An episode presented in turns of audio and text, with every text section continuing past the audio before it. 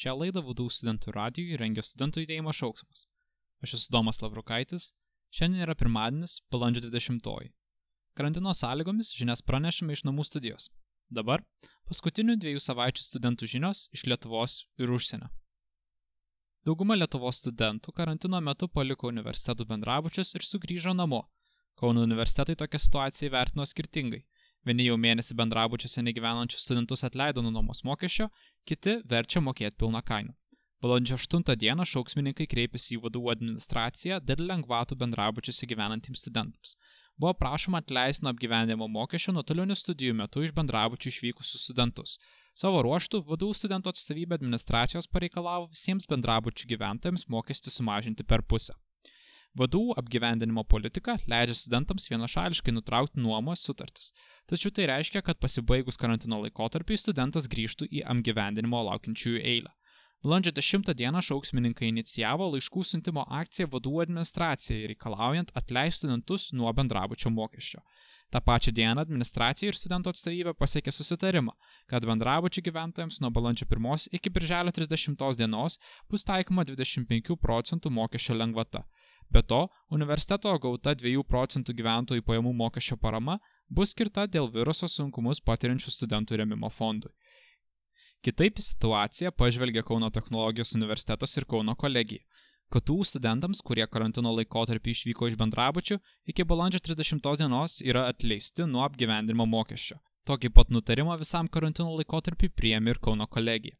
Praėjusią savaitę Kauno dienoje pasirodė LSMU studentų laiškas, Studentai išreiškė pasipiktinimą, kad išvykus iš universiteto bendrabučių tenka mokėti visą nuomos kainą. Kaip ir kitur, LSMU studijų procesas karantino metu vykdomos nuotoliniu būdu, todėl dauguma studentų grįžo namo. Universiteto vadovybė ignoravo studentų užklausas ir pareiškė, kad kainų keisti neketina. LSMU studentų prezidentė Evelina Luzaitė patikino, kad klausimas bus sprendžiamas toliau, tačiau nenurodė, kokius studentų reikalavimus administracijai iškels atstovybė.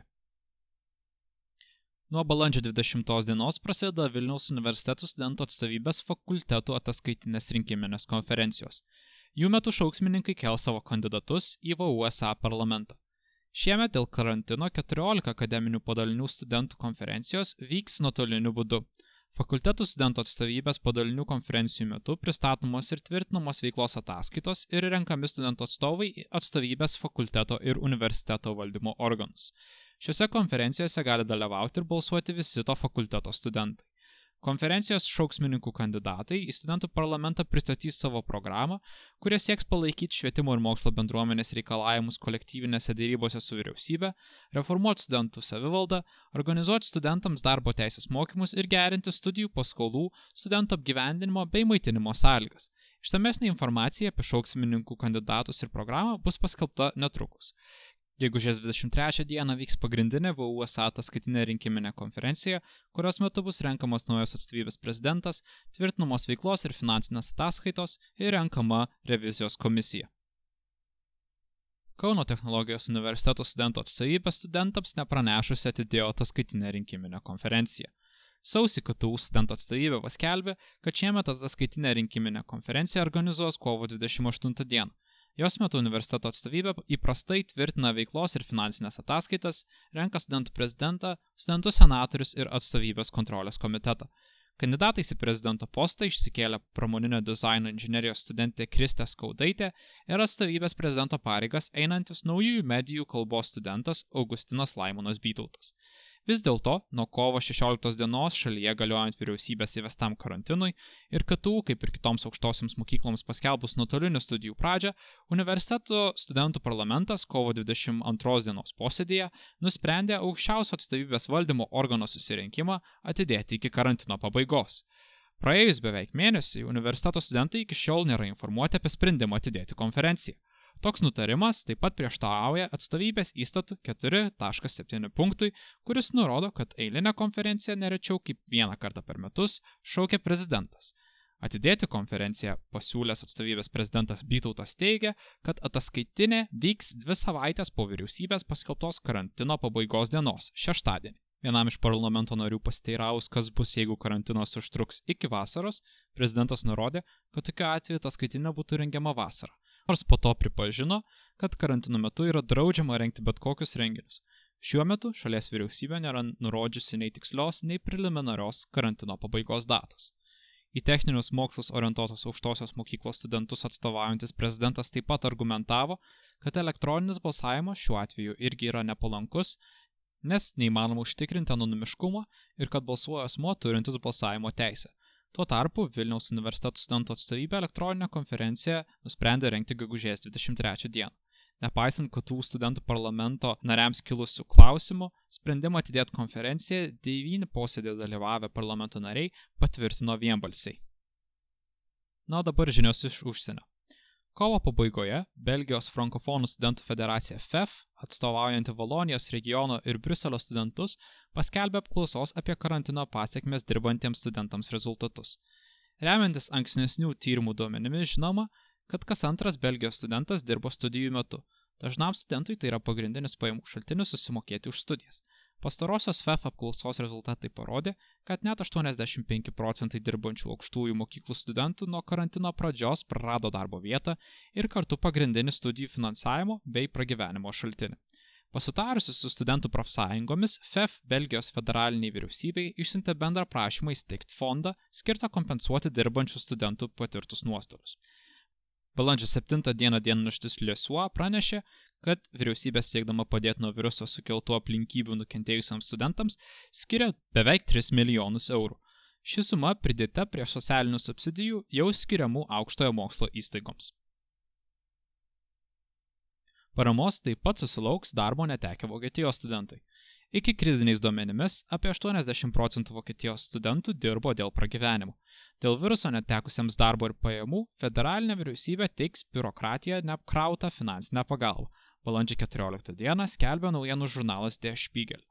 Šalies švietimo ministrė krikščionė demokratė Anja Karliček teigia, kad darbo netekę studentai turėtų turėti galimybę kreiptis dėl valstybinių paskolų be palūkanų, kurios padėtų jiems pragyventi epidemijos metu.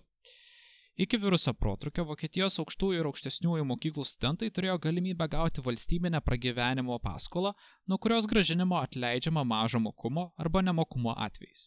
Tačiau ši paskola skiriama tik studentams iš sunkiau ar sunkiai besiverčiančių šeimų. Jie naudojasi apie 25 procentai visų Vokietijos studentų. Nuo Karliček reikėtų susirūpinti tais studentais, kurie dėl viruso neteko pajamų ir iki šiol negalėjo kreiptis dėl paramos, nes netitiko valstybės teikiamų paskolų kriterijų. Pasak švietimo ministrės, svarbiausias jos tikslas yra, kad ne vienas studentas neturėtų nutraukti studijų dėl viruso sukeltų finansinių sunkumų. Laisvesniais kriterijais teikiamos valstybinės paskolos turėtų užtikrinti studentų pragyvenimą. Antradienį Žaliųjų partijos atstovo švietimo klausimais Vokietijos parlamente Kai Gering paprašė vyriausybę suteikti pagalbą dėl viruso nukentėjusiems studentams Penkių punktų dokumente nurodyta, kad įprasta tvarka teikiamos valstybės remiamos paskolos turėtų būti prieinamos visiems studentams arba vyriausybė jiems turėtų įkurti netidėliotinos pagalbos fondą. Tuo tarpu Lietuvoje kovo mėnesį patvirtintas ekonomikos skatinimo priemonių planas už bent 2,5 milijardo eurų. Planu siekiama užtikrinti reikiamus resursus efektyviai sveikatos ir visuomenės apsaugos sistemų veiklai, darbo vietų išsaugojimui, ekonomikos skatinimui ir valstybės išdo likvidumo užtikrinimui. Kol kas Lietuvos vyriausybė nėra paskelbusi jokių priemonių skirtų būtent studentų paramai. Savo ruoštų Lietuvos studentų sąjunga vyriausybei nėra paskelbusi jokių reikalavimų.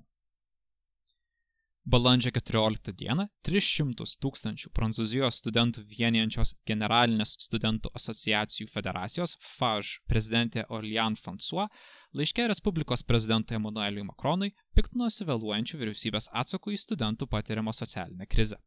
Laiške pabrėžta, kad dar prieš įvedant karantino apribojimus apie 20 procentų prancūzijos studentų gyveno žemiau skurdo ribos, o krizė dar labiau paaštrino studentų skurdą. Anot FAŽ prezidentės, dabartiniai 10 milijonų eurų, skiriami remti studentiškus miestelius, netitinka realių poreikių. Prancūzijos vyriausybė iki šiol nesėmė naujų finansinių priemonių. Tuo tarpu FAŽ skelbia tęsinti projektą Agora - maisto ir hygienos prekių išvežiojimo skurdžiausiai gyvenantiems studentams.